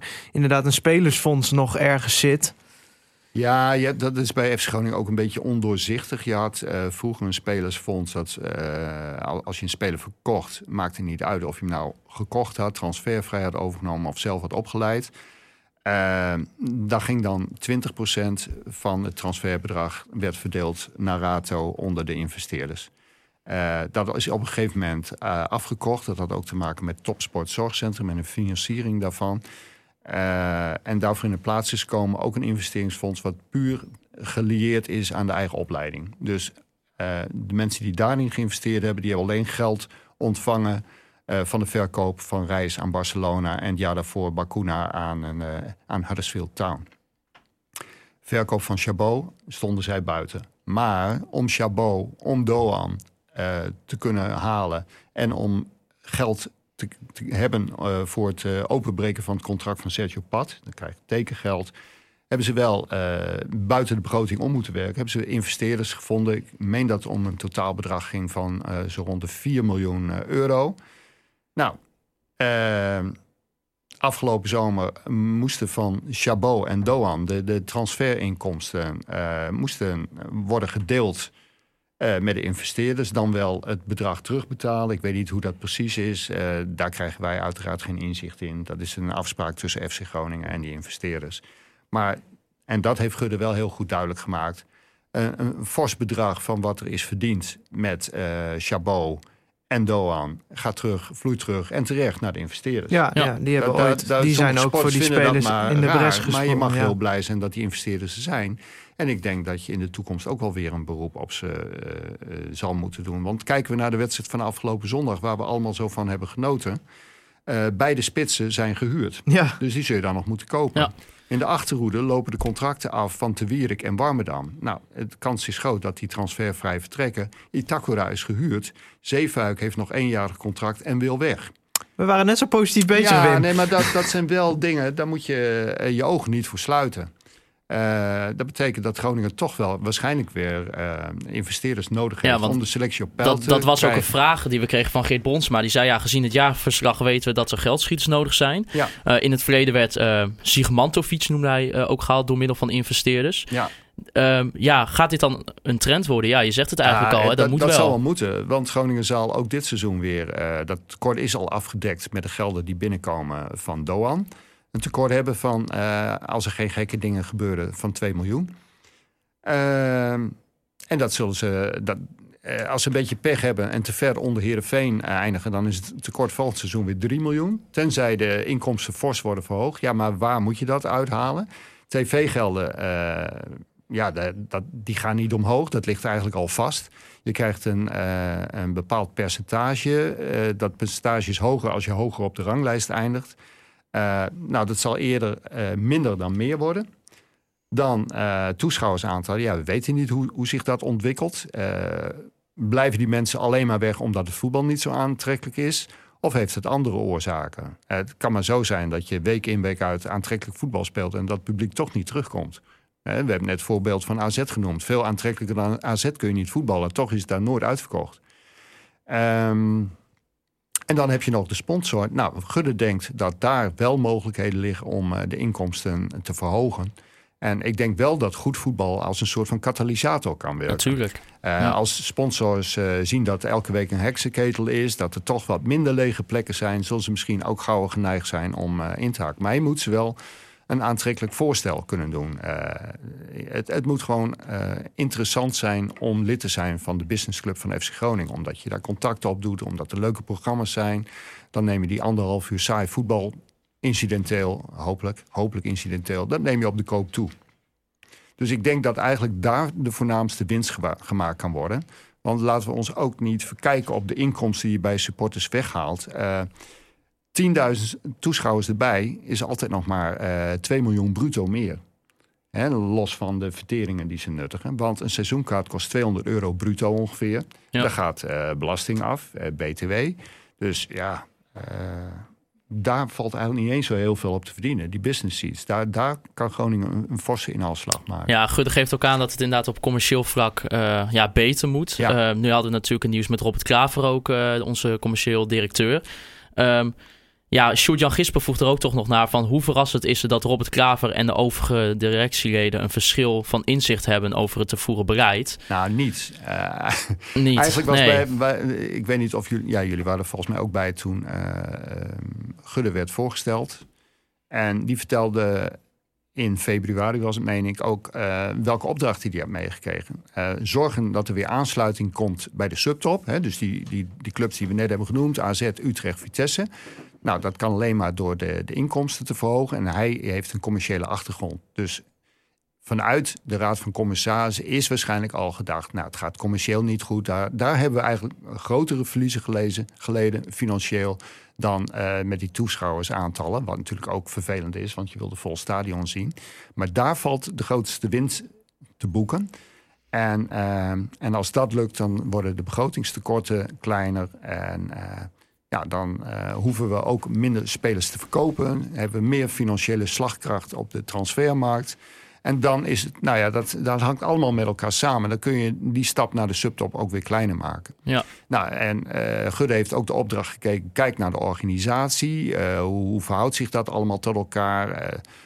Afdeling kantoor is gegroeid, maar ja, daar valt ook wel heel veel onder. Bijvoorbeeld FC Groningen Media valt daaronder. Alles wat niet traint of verzorgt of voetbalt, valt al onder kantoor. Dus eh, ik kan wel zeggen, nou, lekker makkelijk. We, we sturen twintig mensen van kantoor weg. Eh, dat zorgt voor een enorme bezuiniging. Maar misschien zorgen die mensen op kantoor juist wel voor commerciële inkomsten. Eh, Nederland zei altijd, het maakt me niet uit wat het kost. Ik kijk om wat het vervolgens oplevert. Nou, als jij nog op kantoor met 10 mensen kunt uitbreiden... en dat levert je 3 miljoen extra op, doen. Ja. Dus zo moet je er ook naar kijken. Dus het is al te gemakkelijk eh, geredeneerd van... nou, we moeten al die mensen op kantoor maar ontslaan. Want wie weet doen die wel heel nuttig werk... en dragen ze bij aan de begroting. Doen ze dat niet, ja, dan zul je misschien afscheid moeten nemen... van deze of gene. En dat is natuurlijk wel triest voor de personen. Ja, nee, dat is heel vervelend. Ja, hij zat gisteren bij, eh, bij de podcast De Coffee Corner, eh, Wouter Gudde. En ook er werd natuurlijk gevraagd over ja, eigenlijk het, het gedoe met Robert Klaver. En ja, hij zei zelf, gaf hij eigenlijk niet heel veel meer antwoord dan wat er al bekend was. dat er een verschil van inzicht is. Ook een vraag was eh, of er dan wel een commercieel directeur terugkomt. Nou, daar ging hij niet op in. Eh, ik denk niet dat er een commercieel directeur Is dat aan. Gudde of aan de RVC om dat te beslissen? Nou, ik denk dat de RVC is, is uiteindelijk de opdrachtgever. Hè? Eh, die, die zegt tegen de directie eh, wat ze moeten doen. En die bepaalt uiteindelijk ook eh, wie er wordt aangesteld eh, of niet. Al, al zit daar heel ingewikkeld ook nog weer een stichtingsbestuur boven. Dus het zou ook nog maar zo kunnen dat die uiteindelijk eh, eh, de allerlaatste beslissende stem hebben. Maar hoe dan ook, eh de directie is aangesteld en die heeft een opdracht meegekregen. En het zou best kunnen dat, dat we net als bij AZ naar een, een algemeen directeur gaan met commerciële bevoegdheden. Hij heeft ook een commerciële achtergrond. Natuurlijk. En daarnaast een technisch directeur, dat heb je bij AZ ook, eh Huiberts. Daar heb je Eenhoorn Huiberts, een tweekoppige directie. En daaronder een sterk managementteam. Je hebt een hele goede man op financiën zitten, Mark-Jan Olderbandering. Eh nou, je hebt eh, een, goede hoofdopleiding met ervaring. En zo heb je nog een aantal eh, functies die uitstekend zijn bekleed. En ik kan me ook voorstellen dat je een, een, commercieel manager aanstelt. En, en dat vooral het aandachtsgebied van Gudde bij commercie zal liggen. Kijk, bij Nijland, dat was iemand die moeilijk kon delegeren. Eh Gudde geeft de leidinggevenden eh, veel eigen verantwoordelijkheid. En eh, dan is er ook voor, ontstaat er voor hem meer ruimte om zich op commercie te storten. En is het heel goed denkbaar dat je straks geen drie, maar twee directeuren En dat is dus waarschijnlijk ook waar het eh, verschil in mening vandaan is gekomen. Nou ja, je, ik, ja. zonder eh, met zwarte pieten te gaan zwaaien. eh, je kunt wel vaststellen dat de commerciële begroting was ooit 9,5, is nu 7. Er is wel 2,5 miljoen eh, weggelekt. Dat, hoe- dat kun je niet alleen aan. eh, Nee, dat zijn Hè, natuurlijk een hele hoop factoren kijkt die ook daar... anders naar ja. sponsoring. Wat, wat heeft het eigenlijk wat voor nut? Wat eh, heeft het te bieden? En, eh, maar aan de andere kant, eh, het is bij Excelsior wel gelukt onder Gudde om de commerciële inkomsten fors te laten stijgen. In hetzelfde tijdsgevricht. Dus hij ziet waarschijnlijk ook vanuit de ervaring in, eh, in Rotterdam dat er wel degelijk mogelijkheden zijn om het bedrijfsleven bij een profclub te betrekken. Alleen dat, moet je dat waarschijnlijk anders doen dan FC Groningen het hier heeft gedaan. En, en dan kan ik me voorstellen dat Klaver zegt, nou we hebben het zo gedaan, maar werkt, dit werkt niet, dat werkt niet, dat hoef je helemaal niet te proberen. En misschien denkt Gudde van, nou, het werkt misschien wel, maar dan moet je het net even iets anders inkleden. En als je het dan niet eens kunt worden, en de een wil naar links en de ander naar rechts, dat, Ja. dat kan niet. Dus dan moet je ervoor kiezen, samen voor kiezen om naar een van beide richtingen te gaan. Anders wordt het niet. Dan ga je elkaar tegenwerken. Dan krijg je van die gesprekken met sponsors. Ja, die Gudde die wil dit, maar ik vind ook niks hoor. Nee. En ja, dat moet niet. Je moet eh, allemaal dezelfde kant op willen. En eh, als blijkt dat Klaver eh, zich niet kan eh, vinden, dan is het denk ik ook beter dat hij eh, voor een andere uitdaging kiest. Ja, nee, Gudde geeft zelf aan, eh, ja, er moet wel snel duidelijkheid Ja. komen. Want het duurt nu al een tijdje. Dus ja, het, het zou zomaar eens kunnen dat er binnen deze week eh, al iets op de site verschijnt. En dan ik gaan we het ook, zien. Het schijnt dat het nu al een paar weken is. Op een gegeven moment moet je ook eh, een, een streep zetten. Zo Ja. van, nou, we gaan door of we gaan niet door. En eh, niet, eh, nee, want daar, daar schiet niemand wat mee op. Nee. In het eh, interview ging het ook nog heel kort even over de Beneliga. Ehm, Ja. Die ja, dat, dat kwam natuurlijk meer in het nieuws door de, een van de directeur van Club Brugge, volgens Ja. mij. Hè? Die zei van nou, binnen drie jaar komt hij er. Ehm, Gudde zei zelf, ja, op dit moment zie ik het nog een beetje als een storm in een gras water. Ehm, ja, Wim, zie jij eigenlijk ruimte voor FC Groningen in een Beneliga-competitie? Vroeg Ferdinand. Nou, om eerst even op storm in een glas water. Ik, ik denk dat het toch wel eh, iets meer is. Eh, waarom? Eh, de KNVB heeft zich er ook achter geschaard, achter dat plan. Om, om in ieder geval te onderzoeken of een Beneliga interessant kan zijn voor het Nederlandse voetbal. De KNVB denkt dat er onder de vijf topcompetities... nou, dan hebben we het over Duitsland, Engeland, Italië, Frankrijk en Spanje... eh, straks geen ruimte meer is voor een soort van B-competities zoals Groningen, eh, Groningen eh, Nederland, België, Portugal, nou, Turkije, Rusland. Dat zijn dan een beetje de B-competities die altijd hun beste spelers kwijtraken aan een van die vijf andere competities.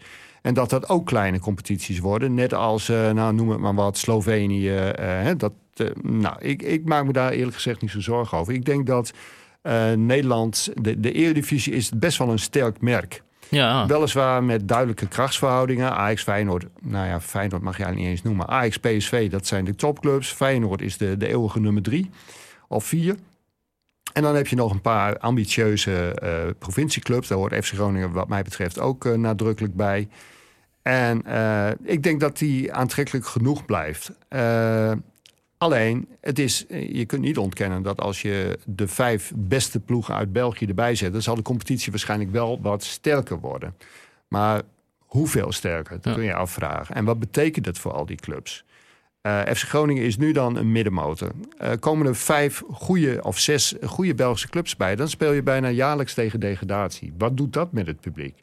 Ik denk dat het voor de meeste clubs in Nederland en in België niet goed is. Nee, maar ik Nee. denk ook dat zeker voor de wat kleinere clubs... Weet je, bijvoorbeeld een FC Eindhoven of een Telstar... wat voor toekomst Nou ja, hebben die? eh, je kunt een, een eenvoudig rekensommetje maken. Het voorstel wat er is, is dat de tien beste Nederlandse clubs, of dat nou na een seizoen over een reeks van jaren. Ik zag in het eh, Belgisch Nieuwsblad hadden ze een, een landkaartje gemaakt, Nederland en België als één land. En eh, zij hadden, ondanks het feit dat Groningen op dat moment twaalfde stond, hadden ze Groningen wel ingetekend. Nou, Ja. Groningen heeft dus ook in België toch wel een beetje naam. En, eh, maar goed, dan heb je tien Nederlandse clubs. En dan gaan er dus acht naar de eerste divisie. Maar daar hebben we al twintig clubs. Dan heb je 28 clubs. Dat is veel te veel. Ja. En dan komen we bij wat Thijs zegt.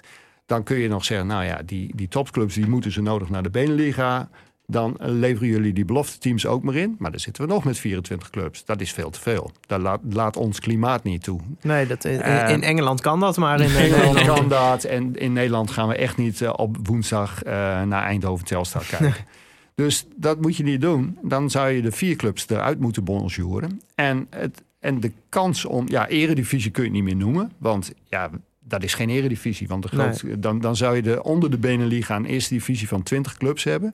Nou, dan zal Groningen daar of eh, net niet inspelen of wel. En dan word je kampioen. En dan, ja, dan speel je weer een jaar of twee jaar in die Beneliga en dan donder je er weer uit. Een beetje, Groningen wordt dan eh, de graafschap van de Beneliga. Een paar jaartjes erin, een paar jaartjes eruit. Oh, Een soort Excelsior. En, want die financiële verhoudingen zijn nu eenmaal zoals ze zijn. En redelijk in beton gegoten. Ja, en die grotere clubs worden natuurlijk ook alleen maar rijker door nou ja, die en hoe, Beneliga hoe te interessant is het eh, voor eh, Feyenoord, voor Standaard Luik...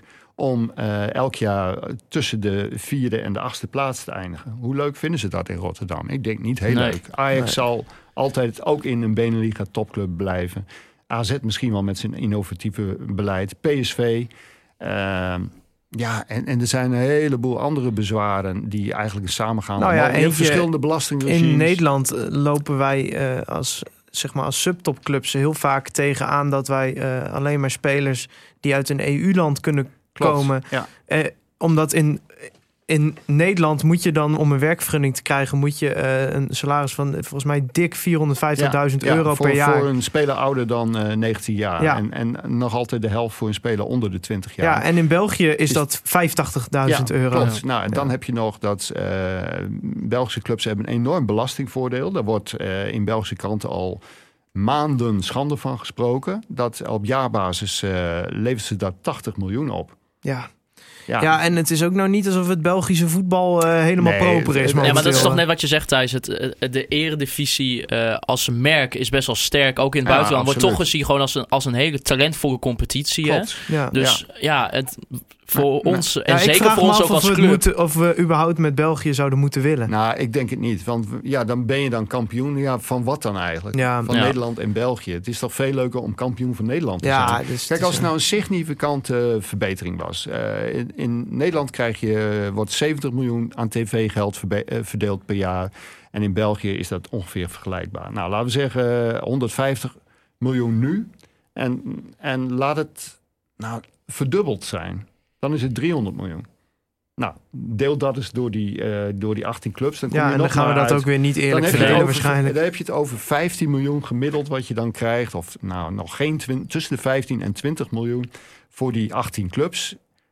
En dan eh, kijk ik even naar wat eh, een club in eh, een middenmotor in Engeland... die krijgt eh, iets van, van 200 miljoen. Ja. Dus wat schiet je daar nou mee op? ja, maar gaan dan ineens spelers niet meer van de Beneliga naar Tuurlijk gaan die de, wel. naar de Premier League? Misschien ja. nog wel Ja. meer, want Ja. ze, ze hebben nog iets meer weerstand gehad. Eh, ja, ik, ik zie daar het voordeel in. Wat je in feite doet, je, eh, voor een korte periode zullen die, die grote clubs daarvan profiteren.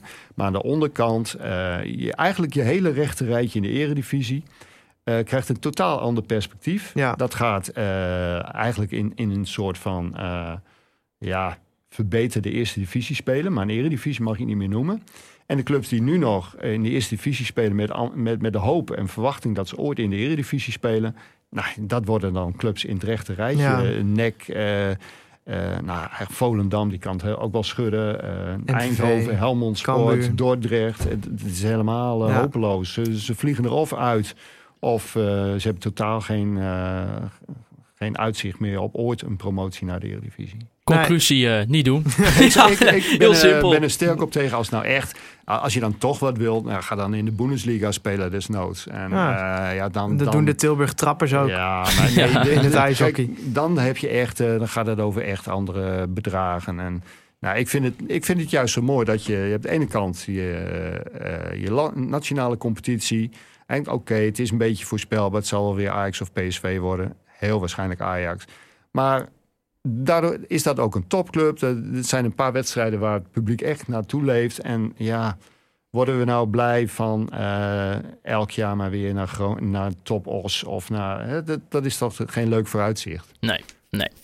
Een kleine update eh, over Romano. Romano Postema natuurlijk in Brazilië. Ja, die mag door, hè? En hij heeft gespeeld. hij, hij heeft twee minuten Ja. volgens mij gespeeld. Eh, en, ja. en meteen winnen ze. Ja. Ja. nee, Nederland verloor eerst woensdag met 1-3 van Senegal. Ehm, ja, de, mijn ik heb ze al tot eh, titelkandidaat benoemd, dus dat gaat fantastisch. Ehm, ja, Thijs, jouw Verenigde Staten was niet best tegen Nederland. 4-0 nederlaag voor eh, de VS. en Nederland won dus.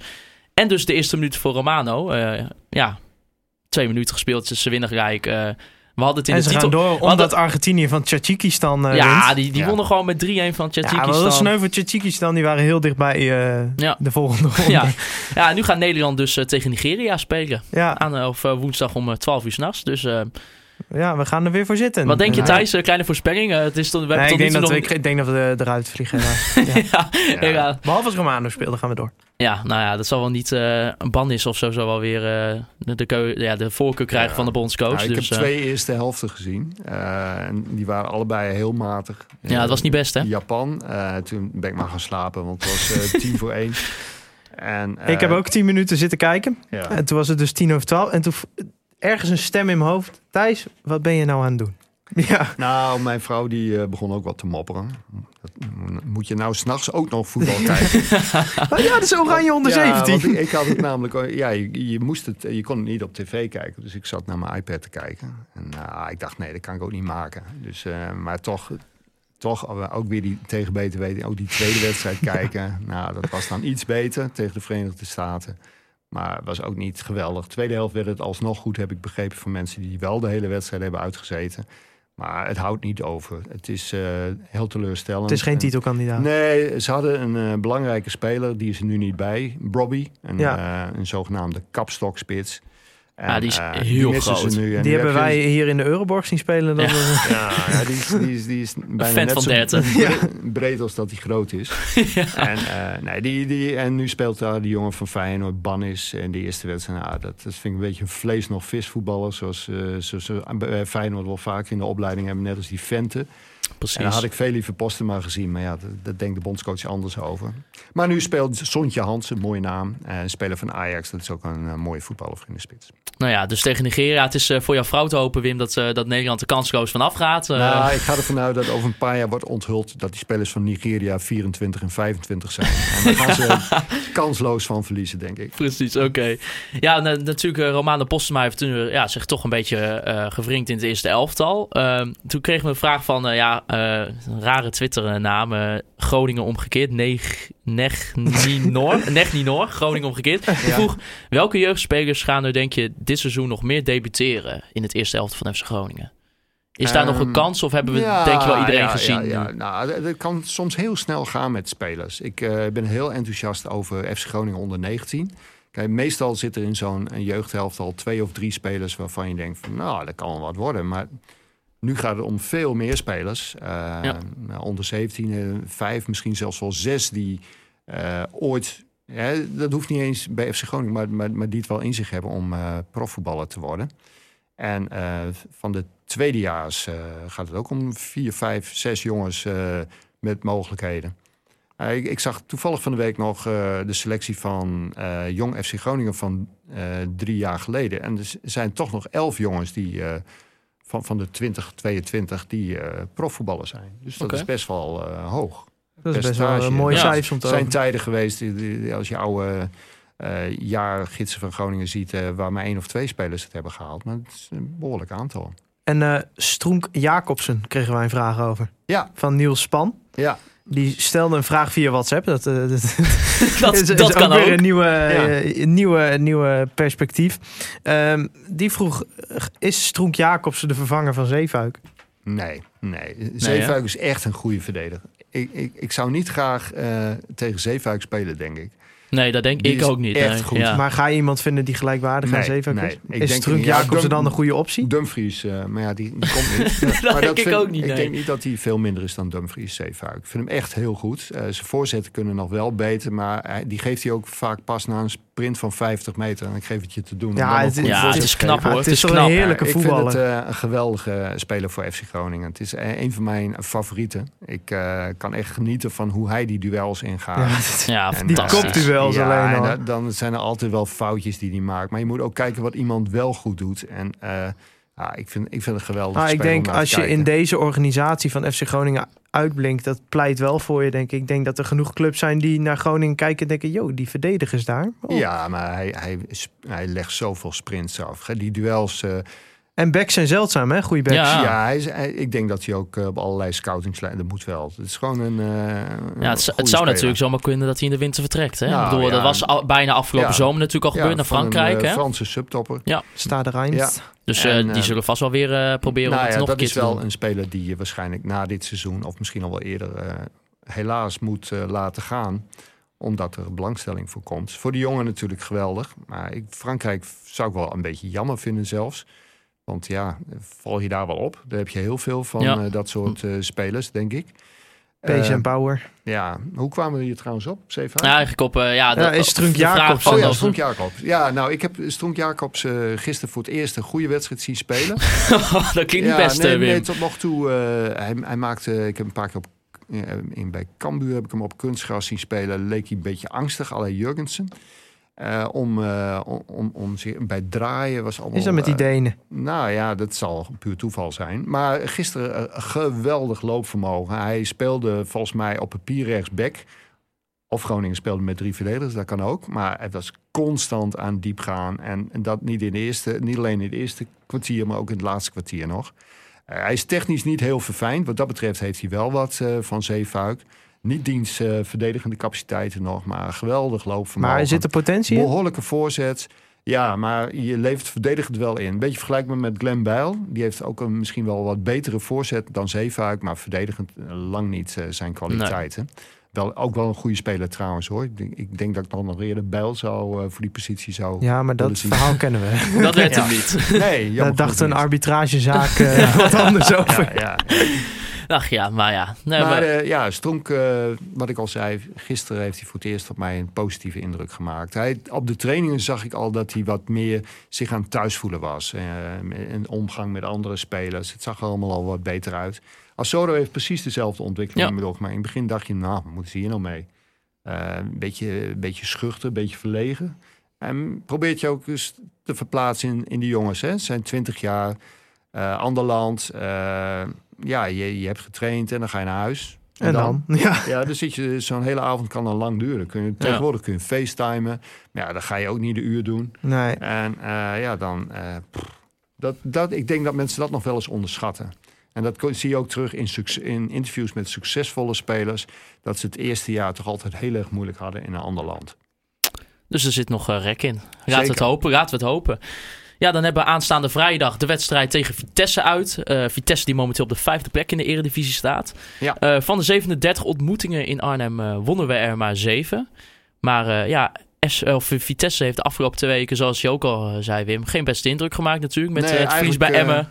Ik zag een lijstje van expected goals. En bleek ook dat ze eigenlijk ver boven hun stand presteerden. En dat pakte trouwens gunstig uit voor Feyenoord. Want dat had eigenlijk vijfde moeten staan. Dus ja, hebben ook eh, redelijk veel pech gehad. Eh, Groningen hoorde trouwens eh, op dat moment tiende te staan. Ik weet niet hoe dat... Eh, Ik denk dat dat sinds dit weekend weer anders is. Want er- zijn redelijk goede cijfers gescoord Ik denk, denk er ook dat Groningen wel één of twee plaatsjes gaat stijgen. En Emmen die had eigenlijk 18e moeten staan, dus die staan iets te hoog. Dus ja, ja ik, ik weet ook niet hoeveel waarde je nou weer aan, aan dat soort statistieken. Het is een indicatie, zeg ja, ik altijd. Ik vind over het algemeen Emmen best wel aardig voetbal spelen. En eh, vooral eh, in thuiswedstrijden, uitwedstrijden is het meestal vrij hopeloos. Maar op het eigen kunstgras, enthousiast publiek erachter, veel lopende mensen, een paar goede spelers. Dus ja, die 18e plaats, daar keek ik wel een beetje van op. Vandaar dat ik ook wel een beetje twijfel aan die expected goals. Maar we spelen tegen Vitesse. Vitesse, Vitesse ja, ja, statistieken. Is- Groningen het- had de laatste eh, drie of vier jaar niet van Willem II gewonnen. Dus ja, wat is het waard? Het is vorig ik, jaar eh, ja, 5-1. mo- ik vind, ja, precies 5-1. Ja. Ja, in eh, die play-off wedstrijd heb, eh, lig ik ook nog wel eens... Ja. stonden we na twee minuten al lig 1-0 ik achter. s'nachts ook Ja. nog wel eens wakker van dat ik denk, oh ja, ja. die uitwedstrijd. Thuis speelde Groningen, denk ik, de beste wedstrijd van na Ja. de winterstop. ja, Ja. Maar die uitwedstrijd was het weer hopeloos. die Dus uitgoal ja. tegen toen. Ah. Nou Ja, ja, daar bij, tegen we hadden die finale ook niet gewonnen. tegen Vitesse dus, is vaak zo, eh, als je daar onverhoopt snel achter komt, dan kan het behoorlijk oplopen. Ja, Eh, want ja, zij zijn toch eigenlijk meer een counterploeg. eh, ja, maar ze zijn ook best wel Ze hebben snelle Ja. spelers, goede aanvallers. Nou, op middenveld hebben ze, ik vind Bero een hele goede speler. Ja. Eh, nou, van Bazoer wordt altijd gezegd dat hij zo heel goed kan voetballen. Maar hij doet dat helaas eh, voor Vitesse en al zijn vorige ligt ook eh, lekker, eh, in de groep eh, Ja. de laatste tijd. Dus, eh, Ja, hij werkt, gaat nu aan zichzelf werken. Ja, precies. Maar ja, ik moet wel zeggen, ik vind het een beetje lastig om in te schatten. Want ja, ehm, Ah, we, wat we ik moeten gewoon ons ook hoop is realiseren dat... wat eh, jij, Thijs, zei. ja, maar jij ik, zei, ik zie kansen. Ik jij zie zei kansen. ook van... ehm, de laatste tegengoal die we kregen uit een, gewoon, eh, uit een veldgoal... Ajax uit. Dat was 28 september. Nou, het wordt hoe dan ook een interessante Ja. wedstrijd. Want eh, als we gewoon objectief kijken, zou Vitesse in eigen stadion eh, die wedstrijd Ja, moeten maar het zijn winnen. twee, ballen die de, eh, twee ploegen die het liefst de bal niet hebben. Ja, al vind ik wel dat het is, het is nog niet heel erg gelukt. Maar Groningen probeert wel meer te voetballen Ja, dan vorig maar seizoen. ik zou tegen Vitesse adviseren... Nou, laat ja, Vitesse lekker aan de bal. Dat, dat had ik ook een beetje toen Groningen bij Heerenveen speelde. We willen allemaal, dat heb ik ook meermalen geschreven, willen eh, leuke voetbal zien. Maar om nou uitgerekend tegen Heerenveen met zijn Ja. razendsnelle... en die spelen ook het liefst vanuit de omschakeling heel aanvallend te gaan spelen. Ja, dat is ook een beetje zelfmoordtactiek. Ja, maar ik denk dat je het ook wel een beetje aan kan vliegen Ja. als de wedstrijd tegen Herenveen. Omdat daar was ook echt eh, duidelijk de opdracht: laat Herenveen eerst maar komen. Wij Ja. hebben een organisatie. Ja, dan heb je pech met die penalty. En toen liet Herenveen Groningen aan de bal. Ja, Ja, ze- weet je, dat is ook het probleem met. Stel, we komen weer vroeg achter in het Gelredome. Ja, dan Ja. zegt Vitesse Groningen succes. Nou ja, je hoeft En dan gaan ze op de counter Je hoeft leunen. natuurlijk met die snelle backs niet per se eh al door maar op te stomen. Je kunt Nee. ook zeggen van nou, we, we, eh, eh, we laten ze gedoseerd opkomen. Dat zag je ook in Heerenveen. Het was niet zo dat we Zeefuik toen een stuk of tien keer eh, hebben zien Nee. opstomen. Hij, nee, dat deed hij heel, heel gedoseerd. Want hij moest die Ejuke in de gaten houden. En Warmerdam, hetzelfde verhaal. Ja, en je zag toen ook in Heerenveen, Ja. hebben we het vorige week ook over gehad. Op het moment dat Groningen de bal verloor, zag je dat er in de omschakeling heel snel werd gereageerd. Heel Ja. snel direct. Matusiwa ging direct. Dus ja, als je dat tegen Vitesse weer op de mat kan Nou, het is eh, een hele Maar ik denk dat het wedstrijd. huidige FC Groningen eigenlijk tegen geen enkele ploeg kansloos is. Dus, eh, Nee, nou ja, eh Ajax, PSV, AZ uit. Lastig. dat is heel lastig. AZ hebben een een punt. puntje Ja. gepakt. Hadden we misschien kunnen winnen zelfs. PSV vond ik Groningen wel heel Ja, matig. Hoor. Eh, Matig. Kwamen ze eigenlijk niet eens zo heel veel in de eh, problemen. Een beetje ongelukkig, eh, knullige, snelle tegengoal. Maar PSV heeft die wedstrijd eh, vier schoten op doel gelost. Ja. Nou, dat Ja, is je, niet kan, veel. je kan al, stel voor je wint wel, hè, dan kan je ook wel een beste stap maken Nou, de als, je, komende als je daarna twee- Feyenoord ja. thuis ook Ja. Pakt. De komende twee wedstrijden zijn wel een beetje bepalend in wat voor seizoen gaat het nou eigenlijk worden. gaat Nou, het ja, de pieken en dalen? Gaat het... het, het is wel even leuk om op Ja. te merken. Groningen heeft nu 17 punten. Dat zijn er nu al twee meer dan vorig jaar bij het Ja, ingaan van de Toen hadden ze 15 punten. Ja. Eh, dus eh, ja, er komen nog een paar eh, best wel tricky wedstrijden aan. Eh Emmen hier is ook best wel een wedstrijd om naar uit te zien. Ja. Eh, weet ik ook maar alweer zo van. niet. Eh, Feyenoord zul je niet nou, zomaar Utrecht nog twee keer. Utrecht nog twee keer. eh, Fortuna uit. Fortuna nog, ADO uit. En Vitesse uit. Ja, Volgens mij hebben ze dan eh, allemaal dat zijn gehad, potten. Ja, Ja. nou, Ja. dat zijn eh, allemaal wedstrijden die je alle zes kunt winnen. En ook alle zes Ja. kunt verliezen. En dat is een beetje FC Gro- dat blijft Ja, FC dat- Groningen. Dat is de identiteit, maar dat toch? is toch ook het leuke van voetbal. Dat je niet van tevoren weet van, nou, zoals bij basketbal, dan ga je naar thuiswedstrijden van Dona. Weet je, in 80% van de gevallen weet je al, er wordt gewonnen. Ja. Nou, dat is ook Is wel dit een? Dit is even Nee, een steek nee, naar nee, Dona. Nee, nee, ik denk dat dat ook heel fijn is. Want supporters die, eh, ik zou het niet erg vinden. eh, eh, nee, ja, de mensen, fans- mensen vinden dat wel leuk. Ja. Ja, ah, het is Ja. ook heel leuk om naar Dona te Ja, gaan. toch? Ja, toch? Ja, nee, maar dat, dat is het verschil. Ja. Eh, je, je weet van tevoren, als bepaalde ploeg komen, die gaat gewonnen worden. Dat weten wij bij en Groningen daar heb je bij Groningen nooit. Nee, nee, nee, dat is zo. Nee. niet. RKC, Nee, dat klopt. RKC, daar ben ik niet naartoe gegaan in de voorstel. Oh, die wordt vandaag gewonnen. Nee, maar dat, Is- dat, is wel gelukt. dat is, Ja. daarom is het ook zo leuk om support van FC Groningen te Ja, zijn. nou, ja, het is toch iedere keer weer een verrassing. Eh, ik ging nu in de veronderstelling, nou, ik weet het niet. Toen ik doorkreeg dat Azorro ging spelen, had ik wel iets van blijde verwachting. Maar als, als de opstelling was geweest, Sierhuis, Benschop, dan had ik waarscheinlijk gedacht van, ah, ik denk, niet. ja, Waren ik wij denk, lekker in de kroeg blijven zitten, ik, denk ik. ik, ja. denk, ik denk dat eh, wij in de rust echt nog nooit zo blij zijn geweest. Nee. Het was echt een heel euforische Beetje jammer dat ik de goal gemist heb. Ja, goed, ik eh, miste de goal, ja. Ja. ja. ach ja, hè, kan gebeuren. Thijs, wat wordt het? eh, ja, ik, ik, blijf, ik blijf in de positieve mood. Het wordt, Ja. het wordt gewoon 0-2. Het wordt gewoon 0-2. Ja. Wim? 0-2. Sierhuis en Oké. Asoro. Oh, kijk. Nou, ik weet het echt niet, joh. Nee, ik weet het ook niet. Ik vind het zo moeilijk. Ik heb daar ook wel eens dat ik een, somber gevoel heb. en Dan, dan, Tip, tip gewoon, gewoon 0-0 zeggen. of Nou, zo. Gewoon gelijk. zeggen mensen dan die, die zich niet durven uitspreken, het wordt 1-1. Ja. Hè, dan, eh, ja, maar het wordt bij Groningen in uitwedstrijd ook wel eens als gelijk. na vijf minuten 1-0 achter kan nog altijd 1-1 worden.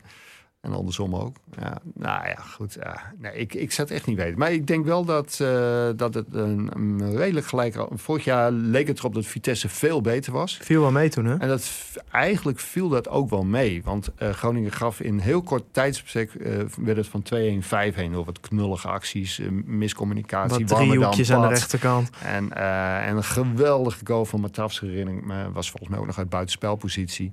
Maar eh, maakt niet uit. Eh, ja, daardoor leek het alsof het verschil veel groter was dan het was. Dat vond ik in die play-off wedstrijd wel. Toen vond ik Vitesse wel veel beter Ja. dan Groningen. Maar een uitslag, Wim. Uitslag. Nou, eh, realistisch gezien, Vitesse moet na die twee nederlagen gewoon weer winnen.